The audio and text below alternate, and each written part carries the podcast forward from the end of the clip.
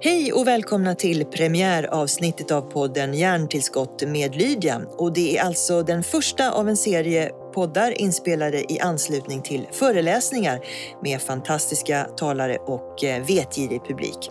Jag hoppas ni kommer vara med oss fler gånger framöver såklart, men vi börjar med en gäst som har många strängar på sin berömda lyra. Författaren, artisten, musikproducenten, men här och nu cyberfilosofen. En gäst som helt enkelt har många nycklar till vår eh, digitala framtid. Mer om detta alldeles strax.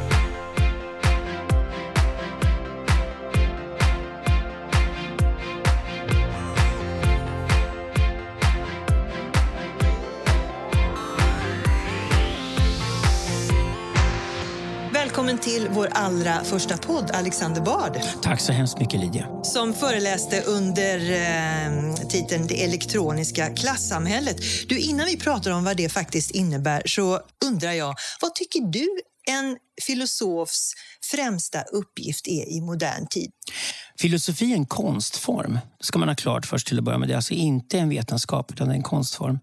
Och Precis som för alla andra konstnärer så är det viktigaste filosofen att ta reda på vad är redan sagt. Vad har redan undersökts? Det är ju fullständigt meningslöst att upprepa någonting. Du skulle ju bara se patetisk ut om du satt och skrev någonting som Platon, eller Immanuel Kant, eller Sokrates eller Nietzsche eller någon annan skrivit tidigare. Så du måste hitta ett nytt ämnesområde. Och jag kan väl säga så här att när jag var sju, åtta år gammal, mitt pojkrum kan vi säga så här, det hade två väggar. Och på ena väggen var det rockstjärnor och på andra väggen var det filosofer. Och alla hade skägg. Det var mina idoler när jag var liten. Så någonstans såg jag redan då när jag var 7 8 år gammal att min dröm var att kunna bli någon av de här två sakerna. Jag lyckades till och med bli båda två. Men, men eh, jag kan säga så här att filosofi för mig fortfarande tonåren, även när jag fattade väldigt mycket av det här och fattade mer och mer så var det nog fortfarande så att jag hade övertygelse om att jag lever nog inte under någon tidsålder när filosoferna har särskilt mycket nytt att säga. Eller åtminstone inte jag har inte kapaciteten att säga något nytt för det mesta har de här gubbarna redan sagt. Eh, tills jag stötte på just det digitala. Och det var 1998 när jag kom till Handelshögskolan och fick börja forska på internet första gången och insåg att det här kommer bli böcker av det här, absolut. Och sen insåg jag att vänta nu, jag kommer bli filosof i alla fall.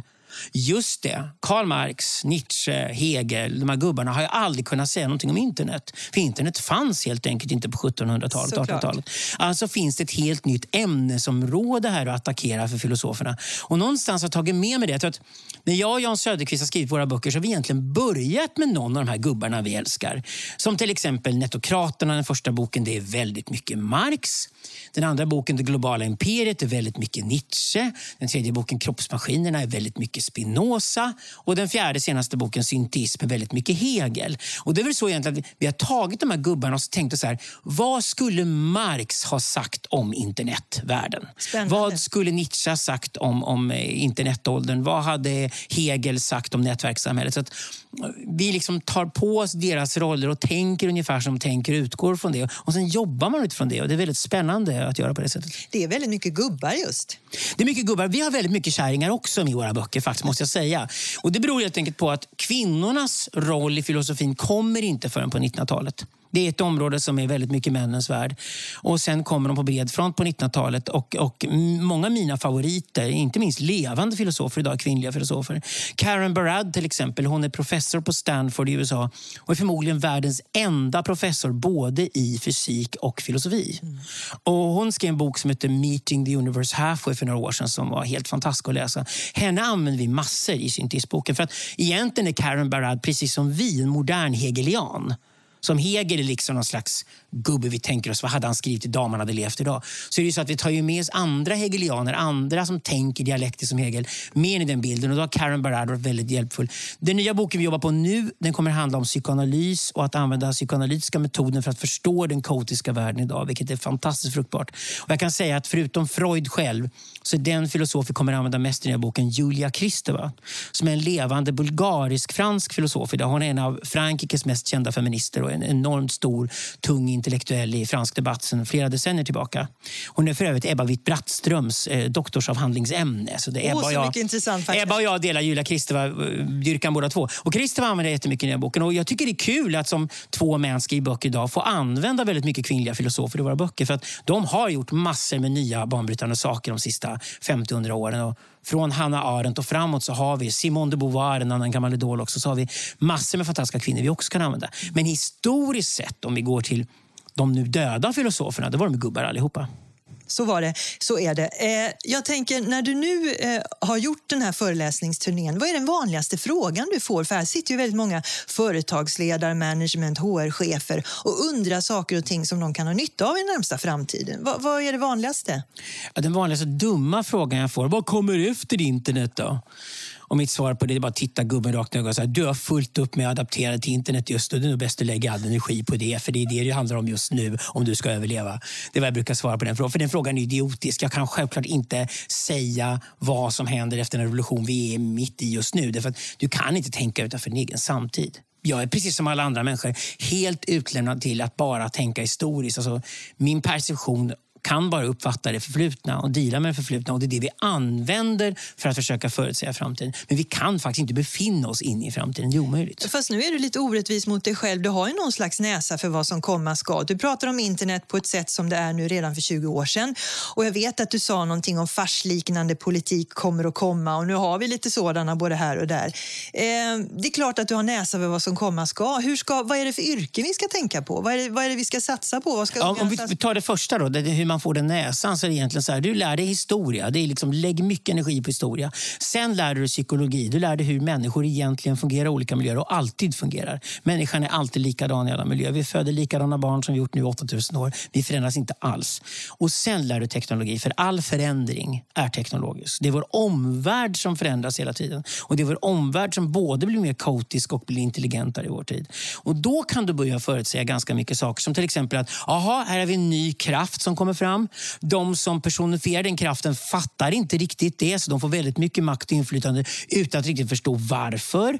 Då behöver de teoretiker som oss för att fatta det. Men de slår undan benen på en gammal makt som kommer försöka göra allt den kan för att sitta kvar utan att behöva anstränga sig och flytta på sina feta arslen. Då kommer vi få konflikter mellan den nya makten och den gamla makten. Och har man en gång förstått att så har det alltid varit i historien, då kan man se det i dagens samhälle. Det kan peka på att jaha, här har vi en, en tysk eh, direktör för ett företag som är 68 år gammal. Här har vi en bloggande tjej från Sydkorea som är 17. Hon står för det nya och hennes informationsberg är mycket större än gubbens informationsberg. Men alla tror fortfarande att han ska styra världen. Alltså kommer det bli en clash mellan de här två det är jätteenkelt att förutse och det är exakt vad som händer. Så, så på det sättet är det inte svårt att förutse saker om man kan historien och ser hur historien upprepar sig. Fast bara i nya miljöer. Så då har vi svarat på det. Det andra är vad man ska göra för någonting om man nu ska hålla på och leta jobb. För det första ska man helst leta vad ska vara min roll överhuvudtaget i samhället. Och det är ju så med oss människor att livet blir inte speciellt meningsfullt om vi inte får ha någon sorts roll där vi bidrar med någonting. Det kallas kontributionsprincipen. Alltså att bland alla intelligenta flockdjur försöker alla hitta sin specifika arketyp, sin specifika roll som gör att de känner att jag bidrar med någonting som gör att jag också kan beundra andra människor för talanger som de har. För att de har talanger jag inte har. Och Tillsammans så bygger vi någonting genom att bidra med alla våra talanger till det här systemet. Det, det, det är egentligen det jobb är, men jobbet är egentligen någon slags idé om att din kontribution är att stå vid ett band i en fabrik och utföra ett monotont arbete och få månadslön för det som belöning. Och det är inte säkert att det är så vi kontribuerar i framtiden. Det måste vi ifrågasätta. Så kontributionsprincipen är det viktiga. Den måste vi ge människor chans att leva upp till, annars klarar de sig inte. Sen om du tittar på den och kollar på om det finns nya jobb då. Jag har tre stycken som är bombsäkra. Det är nu börjar vi äntligen tolka alla dataflöden vi har samlat in via våra apparater. Så varenda smartphone, varenda laptop vi använder samlar in massor med data om oss och om människor överhuvudtaget. Och här, de här datorna kan man använda väldigt, väldigt snabbt och göra fantastiska nya varor, tjänster och andra värden av som vi aldrig kunde förutse tidigare. Vi, vi kan i stort sett sluta gissa om människor och egentligen veta hur människor kommer att agera i situationer nu. Och det kommer skapa helt nya värden. Och de människor som kan sätta sig ovanpå de här databergen och räkna ut vad man ska använda alla data till och veta var man ska leta dessa data. För det är det människor, inte maskiner, som kommer vara bra på. De människorna kommer alla karriärer. Men, men... Det, kallas, det kallas deep tech för övrigt, så du vet det är nästa stora våg inom teknologin. Det är det här med att kunna tolka data. För nu har vi lärt oss samla in data och det är framförallt stora amerikanska och kinesiska IT-jättar som samlar in data och sitter på data. Det är enorma värden de har byggt upp. Sen ska någon tolka dessa data också. De ska så säga, gå från olja till bensin eller fotogen och så vidare. Vi måste förädla data och det kommer framtidens kulturingenjörer att göra. Alltså kulturkunniga ingenjörer kommer sitta på toppen där. Sen nästa område är också ett område som är mellan konst och teknologi där det mesta händer idag. Och det är experience design. Eh, det kallas augmented reality om man jobbar på de stora IT-jättarna. Microsoft och flera andra företag storsatsar på det här idag. Så istället för att koncentrera sig på, på den virtuella verkligheten och VR och, och dataspel liksom och sådana saker, för det är en värld, eller att fokusera bara på den fysiska världen, så det är det egentligen mötet mellan de här två världarna som nya världen skapas. Till exempel, du och jag går ner för en gågata och går in i en butik. Den här butiken får stenhård konkurrens idag från e-handelssajter på nätet. Då måste den butiken shape upp så ordentligt för att vi ska vara intresserade av att gå dit. Och det betyder att butikerna måste idag välja att antingen lägga ner och stänga helt och låta e-handeln ta över. Eller förvandla det här fysiska rummet som butiken är till någon form av fördel. Om det fysiska rummet innehåller en upplevelse som är lika stark som den upplevelse jag får online, men den är också ett fysiskt rum där jag kan träffa andra människor, då slår det allting. Och det här augmenterade rummet, det här rummet som är förstärkt med teknologi, är ju ett rum som skapas av människor som både är begåvade i konst och teknologi. Så alla som är någonstans mellan Konstfack och KTH idag är intressanta. De kommer att ha karriärer. Experience design kommer att explodera. Här kommer att skapas massor med nya jobb och nya arbetstillfällen de närmaste tio åren. Och den tredje yrkeskategorin jag rekommenderar är terapeuten. Varför då? Jag tror inte jag ska förklara det. det. När människor ska kunna sortera sig själva och hitta sig själva eller hitta sig själva som divider istället för individer. De ska bota sin narcissism och de ska bota alla sina diagnoser och de ska försöka hitta rätt och de ska hitta in i nätverken. De ska vara socialt framgångsrika. All den här stressen det skapar gör att terapeuterna kommer otroligt mycket att göra. Du, vi har ju pratat om paradigmskifte nu känns det som i flera år, i decennier. Är, det, är, är vi nu inne i den farligaste tiden när vi precis håller på att byta? För folk är på den ena sidan eh, liksom eh, jordbävningsbrickan och andra är redan över. Är det ja. farligast nu? Jag kan säga exakt just det. Därför att om du tar den här NSA-skandalen som var för några år sedan, när Snowden avslöjade att amerikanerna satt i stort sett och tjuvlyssnade på varenda människa i hela världen. För då gick fortfarande 90 procent av all internettrafik i världen via amerikanskt territorium. Om du och jag mejlar varandra, även om vi båda är i Sverige, så kommer det här mejlet på något sätt sippra vidare via amerikanskt territorium innan det hittar hem till Sverige igen. Och då satt amerikanska myndigheter och avlyssnade i stort sett alla. Vilket de hade lovat att inte göra. Det gjorde de i alla fall, för de kunde inte hålla sig för de var amerikaner. Då blev det en stor skandal. Och då kommer jag ihåg att man på Google då var man väldigt, väldigt förbannade. Därför att om NSA avlyssnat Googles trafik online betyder det att alla människor som litat på Google och skaffat sig Gmail-konton och Google Plus-konton och, och, sökte på Google och sånt där. Alla de människorna hade litat på att Google kunde hålla den här informationen mellan användarna. Och nu visar det sig i alla fall att amerikanska myndigheter satt och smyglyssnade på alla människor. Och det är klart, då är Googles relation till deras kunder förstörts. Så Google var ju fly förbannad. Jag kommer ihåg i den vevan så skrev jag ett paper där jag sa att ni ska akta väldigt mycket för att nu hatar ni nationalstaten så mycket och, och dess avlyssningsverksamhet som NSA är. I lösningen på problemet för första det är bara att NSA är den största arbetsgivaren för matematiker i USA och Google är tvåa. Anställ fler matematiker och ge dem högre lön så slår ni NSA. För krig är bara en fråga om resurser. Om Google blir den största arbetsgivaren i världen för matematiker då kommer ni slå alla andra aktörer så fort det handlar om matematik. Och det är vad Google har gjort sedan dess. Men akta er för att de gamla institutionerna nu rasar för fort. De gamla institutionerna är nationalstaten med dess byråkratier och gränser och militär och våldsmonopol som den har, militär och polis. Det är universiteten som ersatte kyrkan som sanningsproducenten i samhället. Och den sista är ju självklart fabrikören eller företagarna som ersatte den gamla adeln som äger de reella resurserna i samhället. Man kallar det här för imaginär makt, symbolisk makt och reell makt. Och all makt i samhället bygger på de här tre polerna. Det skapar en stabil makttriad där ingen av aktörerna kan sluta de två andra är beroende av varandra.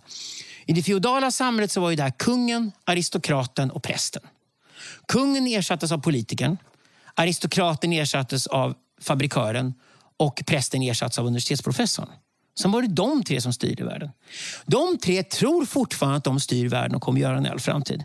Sen kan du och jag Lydia gå till vilken högskola som helst idag och gå in och kolla på en vanlig föreläsning i högskolan. Det är tomt i föreläsningssalen. Professorn står där och kliar sig i huvudet. Det är ingen som kommer dit. För att på Youtube får du ju hundra gånger bättre föreläsningar än vad du någonsin får i en föreläsningssal i Sverige. Så det är ingen som går dit längre. Sen går du till universitetsbiblioteket. Det är tomt. För det är ingen som sitter där och letar böcker i biblioteket längre. För de går bara ut och googlar och sen är de ute online och lär sig saker mycket snabbare och bättre än vad de någonsin gör med att leta böcker i ett arkiv. Så du kan lika gärna stänga det där biblioteket. Det är ju ett museum idag. Och det betyder att universitetet är på väg in i en stor kris. Politiken är på väg in i en stor kris för att vi låtsas fortfarande spela roll om det är Trump eller Clinton som vinner ett val i USA. Men menar, om du på riktigt skulle röra ut giljotinen och hata makten då är det inte politiker du skulle hugga huvudet av i Washington. Då skulle du rulla giljotinerna till Silicon Valley och hugga huvudet av Zuckerberg och Page och de andra gubbarna där. För de styr världen idag. Inte bara styr de världen via sin teknologi och via sina datamoln, att de vet allt om oss människor och att de här gigantiska företagen, Amazon, Google, Facebook bara växer och växer. De styr till och med Washington för alla stora lobbyorganisationer i Washington är idag IT-företag som driver. Så de bestämmer vilka politiker som vinner valen i Washington. och sånt där. Så att Politikerna håller på att tappa makten. Sakta men säkert sipprar makten iväg från den politiska sfären. Och när folk frågar mig varför har vi så mediokra politiker att välja på i valen? Ja, men ingen intelligent människa idag vill väl bli politiker. Vem vill utsätta sig för det skitjobbet har blivit? Vem vill sitta i riksdagen och supa och få order om vilken knapp du ska trycka på för att en partiledare redan har bestämt det? Vem vill sitta och göra det idiotjobbet som det innebär att vara politiker? Vem skulle utsätta sig själv för det idag? Därför idag startar du en blogg du får hundratals följare. Du brinner för ett speciellt ämne. Du är expert på det ämnet. Du driver din fråga. Och Sen kommer du bara tvinga politikerna att ta de lagbeslut som gäller din agenda. Det, det är så makt utförs idag. Så makten går också via internet idag. Och, och Sen har du kvar den, den sista grejen i alltihop det här. Och det är ju liksom den imaginära makten. Ja, imaginära makten politiker. Men om vi tar den symboliska makten, hela vem sitter på resurserna? Så är ju inte det det gamla företaget, den gamla fabriken som har resurserna. Då. Fabriken skapar inga mervärden längre. Fabriken ligger till och med i Kambodja, det säger väl allt. Utan idag skapas ju mervärdet helt enkelt av den som sitter på varumärket och designar varumärket och kommunicerar det och skapar nätverksdynamiska fenomen runt varumärket. Den makten flyttar idag till människor som jobbar med konst och teknologi. Och då, då är det så att då kan jag trycka en t-shirt jag kan, jag, kan, jag kan sätta ihop en t-shirt i Bangladesh. Jag kan skicka den till Sverige. Jag customisar den t-shirten genom att skapa ett nätverk med 200 människor inom en subkultur där alla de 200 får den här t-shirten. Och sen är det någonting på den t-shirten som ger den dess värde. Själva bomulls-t-shirten är en tiondel av det värdet. Det stora värdet ligger självklart i trycket ovanpå. Och det skapas inte i Bangladesh. Du talar om nätverksdynamiska fenomen. Om vi kopplar det ordet lite grann till sanningen som kanske också förhoppningsvis fortfarande är modern om några år. Mm. Var hittar vi sanningen och hur viktig är den om vi nu inte vet vad som är sant när vi är ute på nätet? Det viktiga för oss är historieberättandet och det är viktigt att du och jag har samma historieberättande. Om vi ska leva i samma universum, samma samhälle, samma företag, göra en podd ihop, vad du vill för någonting, måste vi vara överens om vissa saker. Så det viktiga med storytelling är egentligen att den är relevant för de människorna som är involverade och att de har, är samstämmiga runt den. Då funkar den. Sanning sen i sin tur, det får ett värde när man går ut i det större nätverket. Det vill säga, om du börjar kommunicera via ditt nätverk med ett annat nätverk och ni börjar binda ihop grejer mellan varandra. Det som shamanerna gjorde mellan stammarna en gång i tiden. Det som prästerna sen gjorde mellan byarna. Den kommunikationen, där får sanning ett värde. Därför att om du håller det till fakta kommer folk komma ihåg det efteråt och komma ihåg att okej, okay, när alla andra ljög så sa han sanningen. Alltså går jag tillbaka till honom. För det är störst chans att jag får höra sanningen igen eftersom jag behöver ha sanningen för att kunna orientera mig.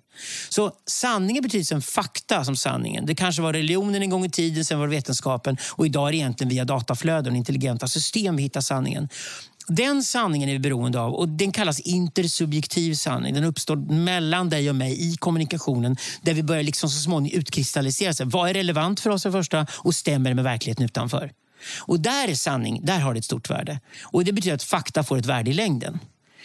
Och då är frågan så här, var det så att den gamla dagstidningen gav oss sanningen om världen? Nej, knappast. Liksom att Dagens Nyheter sitter och skriker att allt är fake news online just nu idag. Ja, de har skrivit om Alexander Bard i 30 år i Dagens Nyheter. De har aldrig skrivit ett sant ord om mig. Det säger väl allt. Liksom så här. Den tidningen har alltid ljugit på sitt sätt, alltid varit fake news. Men en bättre studie för att jämföra det här, det, det, det ta Ta den mest extrema institutionen som representerar sanning i ett visst samhälle. Då tar du till exempel Encyclopedia Britannica. Världens högst ansedda uppslagsverk på det engelska språket. Så sätter du bara 200 människor och försöker hitta fel i den, faktafel. Det här gjorde en sociolog i England för två år sedan. Du tar alltså Encyclopedia Britannica, ger den till 200 studenter och säger hitta så många fel ni kan. Sen till dem sätter du 200 andra studenter och säger ni får leta på exakt samma sökord på Wikipedia och hitta så många fel ni kan. Och det visar sig att Encyclopedia Britannica innehöll fem gånger så många faktafel som Wikipedia. Så även om Wikipedia inte är ett perfekt medium, det kan vara styrt av vissa värderingar, det är beroende av vem som skrev där sist, det slinker in fel ibland som det tar tid att städa bort. Och framförallt tigger Wikipedia om pengar hela tiden. Ja, det gör de, men det får du ge dem om du vill eller inte. Det, behöver, för det kan du faktiskt ignorera. Du får använda tjänsten gratis, vilket säger rätt mycket om hur underbart Wikipedia är.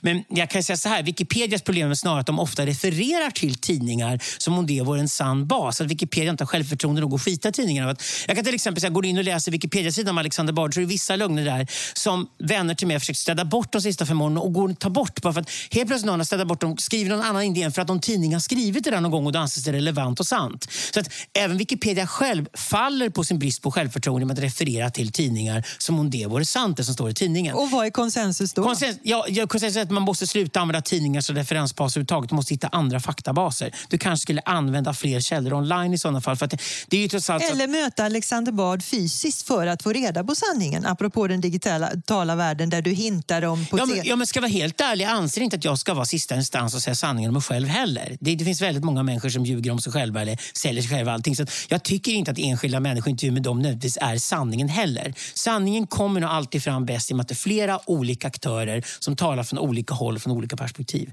Och väger ihop dem börjar du få en bild som stämmer ganska bra. Det finns något som heter wisdom of crowds och det är det Wikipedia används av så skickligt. Men det intressanta är att varje gång man säger att det är svårt att hitta sanningen online, då brukar jag alltid påpeka att det var fan inte lättare när du hade fokusuppslagsverk och DM på frukostbordet hemma. Det var inte lättare att lära sig sanningen då än vad det är nu. Det är det absolut inte. Utan det har snarare blivit lättare att läsa in sanningen idag än vad det var tidigare. Du, när når vi teknologisk singularitet. Och för personer som lyssnar på det här som kanske inte vet vad det är, det är alltså när den artificiella intelligensen blir smartare än oss människor helt enkelt, va? Det är den redan. Så, jag blir orolig, jag blir orolig. Nej, nej, nej. nej. Du, du, du sitter inte och räknar multiplikationstabellen i huvudet längre. Du, räknar, du tar fram din kalkylator på din mobil på en gång. Ja, Kalkylatorn gör det snabbare än du. Och det, maskiner gör allt sånt där snabbare än vad vi gör idag. Därför låter vi maskinerna göra det. Men maskinerna är ju ändå i vår tjänst. Och för mig är det bara så här, ja, antingen använder du din hjärna för att räkna ut det här. Eller också använder du hjärna plus papper och penna för att räkna ut det. Redan där har du blivit teknologisk. Så sitter du och räknar ett mattetal på papper och penna så har du blivit teknologisk redan där. Då kan du lika gärna ta miniräknaren sen. Och sen hoppar miniräknaren in i smartphonen. Då kan du lägga till en massa andra fotnoter och grejer till den här operationen du gör. Alltså blir systemet i sig intelligentare. Alltså människa och maskin ihop blir intelligentare. Det är mycket, mycket intressantare att sätta upp någon konstgjord tävling med maskin och människa som inte finns någon poäng med överhuvudtaget.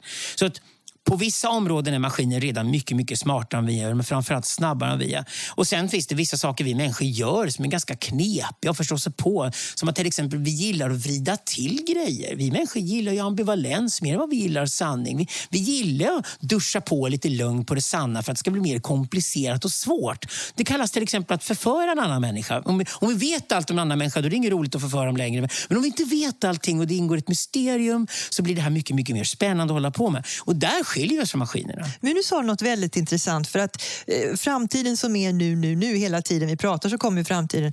Så är det så att förundran verkar inte vara grund till dyrkan i eh, IT-samhället nu och framöver. För... Oh, jo, det kommer bli den stora grejen. Och om människan har någonting maskinen inte har så är det vi kallar för komprehension. Det vill säga att förstå vidden av det hon håller på med. Det är vi inte i närheten av att skapa maskiner som gör idag. Så på vissa områden kommer maskiner vara idiotiska, på andra kommer de vara jätteintelligenta och framförallt snabba. Men det är systemet i sig, människa och maskin ihop, som är intressant och det blir intelligentare hela tiden. Så att, att prata om en teknologisk singularitet är väl inte så jätteintressant egentligen. Därför att Singulariteter har vi haft i historien. Vi har faktiskt fyra sådana tydliga från ett mänskligt perspektiv. Och Det är fysikens födelse, det var Big Bang. Det är kemins födelse ut ur fysiken som kommer flera hundratusen år senare. Sen är det biologins födelse ur kemin som hände på den här planeten för några miljoner år sedan. Och ur biologin får vi få så småningom det mänskliga medvetandet om vi nu värdesätter det. För Det kan vi definiera från människans perspektiv som ytterligare en fjärde singularitet. Singularitet är något som plötsligt händer från ingenstans och som aldrig går att förutse och som förändrar spelreglerna för allting inom det systemet. Och Sen blir det väldigt, väldigt svårt att tänka sig att det inte finns något medvetande som skapade Big Bang från början när man väl har blivit medveten om någonting. Men det behövs ju faktiskt inte. Medvetandet kan ju mycket väl komma sist i kedjan. Och det är det vi pratar om. Vi pratar om någon slags ny merger då, där människan och maskinen smälter ihop på ett sånt sätt att människan inte ens behöver fundera på sin egen utveckling längre. För att då kan vi lika gärna maskinerna ta hand om den fortsatta utvecklingen. Och I det läget så kan man prata om att det är människan själv som kanske stänger av sig själv och låter maskinerna köra vidare. Jag har ingen aning. Men det blir bara ytterligare en singularitet, en femte singularitet i historien i sådana fall. Som kommer efter medvetandet. Eh, och, och eh, då har det redan skett fyra sådana singulariteter. Och det enda man kan säga med säkerhet är att innan singulariteten sker så går den inte att förutse. Den, kom, den, kommer att överraska oss. Ja, vi har faktiskt ett namn på det. Vi har ett namn på det oerhörda om det skulle hända och det namnet är Gud. Det skulle ju vara om Gud klev in på banan helt plötsligt. Vi, vi skriver om det här i senaste boken, Sintism, att det historiskt korrekta ordet vi har för någonting vi projicerar på framtiden som vi inte vet vad det är. Men om det skulle hända skulle det vara så fantastiskt att allting skulle förändras. Men det är Gud. Det är det ordet vi har för det. Så därför skriver vi, vi tar tillbaka ordet Gud i senaste boken Syntism och säger bara att om vi inte tror på Gud idag, okej, okay, fair enough. Men det betyder inte att vi inte kan placera Gud i framtiden. Då, det kanske vi gjorde hela tiden. Då har vi varit moderna länge, för vi, länge för vi säger ofta herregud när vi blir chockade över någonting. Ja, det finns ju där. Ja, liksom. exakt. Ja, ja. Gud är det ord, God på engelska. Det är faktiskt det namn, personifieringen vi sätter på det oerhörda, om det oerhörda händer vare sig en god eller en ond gud så är det ju det namnet vi sätter på det fenomenet. Så att, och det är alltid en tanke att det ska hända någonstans i historien. Det kanske har hänt, ska hända igen. Jag tror det är en religion jag skulle snarare säga att om Gud har hänt så var det Big Bang som var Guds födelse i sådana fall. Och sen är Guds förverkligande det som återstår att göra. Och det, då är väl det någon slags punkt vi går mot på något sätt. Och det vi föreslår i boken Syntism, jag och Söderqvist, är att vi kanske ska se människan som varelse som bygger Gud för att de saknar Gud så mycket att de bygger Gud en vacker dag. Du, det har till och med gjorts filmer på ett sånt tema. De var ja. inte så roliga att se faktiskt, men det är en annan historia. Exakt. Eh, du, apropå oerhörd, eh, det händer ju oerhörda saker nu. Det är ju faktiskt ibland farsartad politik vi ser i världen. Otroligt komplexa och farliga konflikter eh, och, och mycket annat. Och dessutom, det har vi också pratat om på scen idag, det känns som om folk får fler och fler syndrom. Vad är allt det här tecken på? Eh, Ett ökat kaos. Eh, så här är det, vi människor klarar av att hantera så här mycket. Typ. Vi, vi, vår, vår, förmåga att hantera saker är konstant. Vi har inte utvecklats alls. Människan de senaste 8000 åren, vi födde likadana bebisar vi gjorde för 8000 år sedan. De är snarare dummare än de är smartare idag. Däremot har vår teknologiska omvärld blivit intelligentare och intelligentare och nu exploderar den intelligensen. Och nu är vi på väg mot ett system där teknologin uppfinner nästa generation teknologi. Nästa generations teknologi kommer leta efter anomalier i dataflöden och sen kommer svaret på hur man ska ta bort de anomalierna. Då har man egentligen börjat göra... Vad är anomalier för de Anomalier är avvikelse i ett dataflöde. Det är, det som vår egen perception fungerar. Vi, vi, vi tar in massor med information i vår hjärna varje sekund. Men hjärnan är så smart att den slaktar nästan allting. Vilken tur. Ja, annars blir du psykotiker mm. nämligen. Psykos heter den när man inte kan sortera informationen. Men om du kan sortera bort 99,9 procent av allting, då letar du egentligen bara efter avvikelsen. Vad är det här som är nytt? Vad skiljer sig från det jag sett tidigare? Och så tar du in det och behandlar det och bestämmer dig för om det är viktigt eller inte för dig själv. Och, och så funkar den nya intelligenta eh, teknologin. Att den tar in stora mängder data väldigt, väldigt snabbt och sen sorterar den i datan och försöker hitta vad är det som avviker i det här. Idag använder man till exempel utveckling av nästa generations säkerhetssystem. Cybersäkerhet kommer att explodera, bli värdefullt. Det ligger stora pengar i det. Då är det ett bra ställe att börja leta anomalier där med en gång. Har vi någon främmande person som klivit in på vårt territorium? Bra, då tar vi reda på det. Och, istället för att bygga en stor vägg mot omvärlden så kanske vi ska låta fienden kliva in och virra omkring lite grann så vi vet vem fienden är och vi vet vad fienden har för syfte med det de håller på med. Så skapar den nya generationen säkerhetsföretag. Och det är ett bra ställe att börja med. De säkerhetsföretagen kommer sen kunna göra så mycket, mycket mer. För man en gång blivit expert på att leta anomalier i dataflöden har man egentligen på allvar börjat approacha det som är intelligent innovation. Och då kan man lika lämna teknologin att åtminstone tala om för oss var vi borde gå någonstans, var vi borde leta för att göra nästa uppfinning. Och då har människa och maskin börjat samspela i innovationsprocessen. Då kommer den att accelerera ännu fortare. Under tiden sitter vi människor med vår begränsade begreppsapparat gamla världsbilder, skolor som fortfarande lär barnen 1800-talssamhälle som ideal extremt konserverande i allt det här och blir mer och mer rädda för den här förändringen som pågår. Och nu vet vi att det egentligen är gratis att skaffa sig en maktbas på internet, men vi orkar inte ens ta in hur man ska göra det. Det blir väldigt mycket att ta in. Då blir människor rädda. Och då är det inte konstigt att de blir konservativa och slår på alla bromsklossar de hittar. Och det är det första de gör, är att de tyr sig till det gamla paradigmet. Då ropar de efter nationalstaten, de ropar efter universiteten och de ropar efter de gamla traditionella företagen och ropar efter deras strukturer. Och de vill att en stark man ska kliva in på arenan som Napoleon gjorde på 1800-talet och ta över och styra och bestämma hur det ska vara och bromsa alltihopa. Men är detta kaoset före lugnet då kan man säga? Att det måste vara lite så här virrigt och uh, yrvädrigt över världen innan det lugnar ner sig och stabiliserar sig? Nej, jag tror det är kaoset före det stora utbrottet. Va? Ja, och vad är utbrottet då? Nej, det kan mycket väl bli våldsamt. Det är mycket talan för det, för det har alltid varit tidigare i historien. Paris 1789 var starten på moderna samhället. De första tio åren slaktade folk varandra på gatorna i Paris. Hej vilt, utan att fatta varför. Och tittar du på USA idag, om USA är världens viktigaste land, så går ju USA mot inbördeskrig som det ser ut idag. För det finns ingen förenande berättelse längre i USA. Det Trump och Clinton representerade i valet var egentligen inte att politi politikerna har makt längre, för det har de kanske inte. Men de representerade ändå de två lägren inför en kommande stor konflikt i USA. Trump står för the flyover states, det vill säga staterna nu som hamnar efter i, det här, i den här utvecklingen där teknologin inte finns, där man fortfarande bara har fabriker och jordbruk om man ens har fabrikerna kvar och där folk känner sig helt efter. Och sen kusterna i USA där utveckling sker, framförallt västkusten i USA, där de nya stora IT-jättarna ligger, de nya värdena skapas och där den nya makten koncentreras. Och det finns idag inget historieberättande i USA som binder ihop de här två världarna. Tvärtom, de går längre och längre bort från varandra och i alla system där du fått strukturer som går längre från varandra och ska samsas på samma arena får du förr eller senare en väpnad konflikt.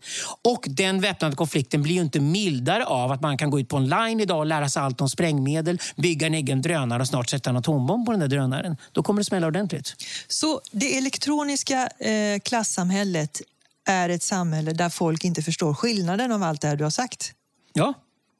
Vad De bra. förstår inte vad som händer. Det, det, är exakt det som händer idag. Det är jag jämför alltid vårt samhälle idag med Paris 1789 och kaoset på gatorna. Att du har massor av människor som har en ny makt i sin hand och utövar den med de nya instrumenten. Det är de här som är internet-savvy ungdomarna idag. Men de vet inte vad de gör och de är själva förvirrade för deras världsbild är uppblandad av föräldrarnas världsbild som de fortfarande tror på på något konstigt sätt fast den skavar hela tiden och inte stämmer. De är förvirrade och förvirrade människor med mycket makt i händerna blir livsfarliga. Men du, vad är det för ledaregenskaper som krävs då hos våra hjältar? Hur ser hjältar ut i en modern tid? Hjälten är vuxen. Hjälten är alltid någon som är vuxen som barnet ser upp till och vill bli en dag. Så att du måste få tillbaka hjältehistorierna i samhället. Det är livsfarligt att säga att hjältar inte får finnas.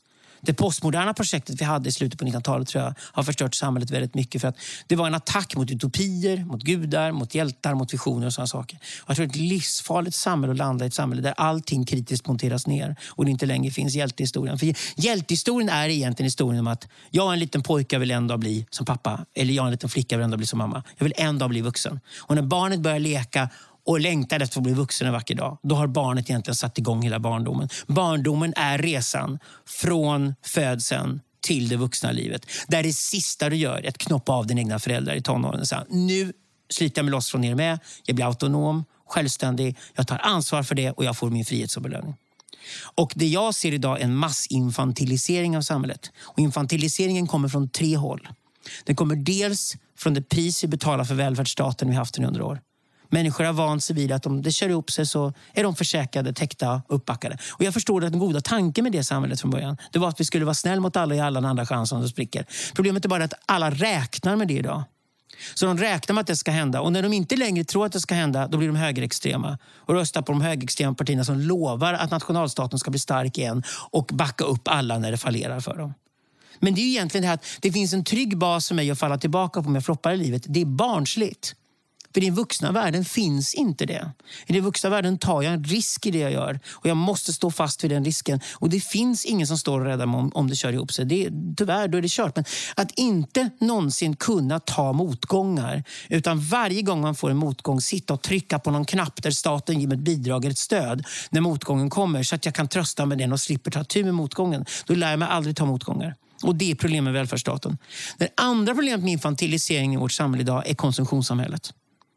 Vi går in idag i de här butikerna och det finns 400 olika duschtvålar, 400 olika ostar, 200 av det här och det här och vi har tillräckligt mycket pengar i fickan för att kunna gå omkring och känna oss fullständigt förvirrade och tänka vad är det jag ska ha av allt det här? Ja, då blir det vem är jag av de här 200 varumärkena? Och ständigt ska du identifiera dig själv med den här varan du ska köpa och du ska vara ett med den här varan och du ska plåta av den helst och lägga den med en selfie i ditt nätverk att du köpte den här tvålen. Och då har du smetat ihop dig själv med konsumtionssamhället så mycket att när du går ut sen på den här gatan och är förvirrad och McDonalds bara släpper ut lite os från sitt kök, då knallar du bara raka vägen in till McDonalds och äter dig fet på deras hamburgare. Du klarar inte av motståndet längre. Och då är du också en vuxen barnunge. Vuxna, feta människor med blöjor på sig.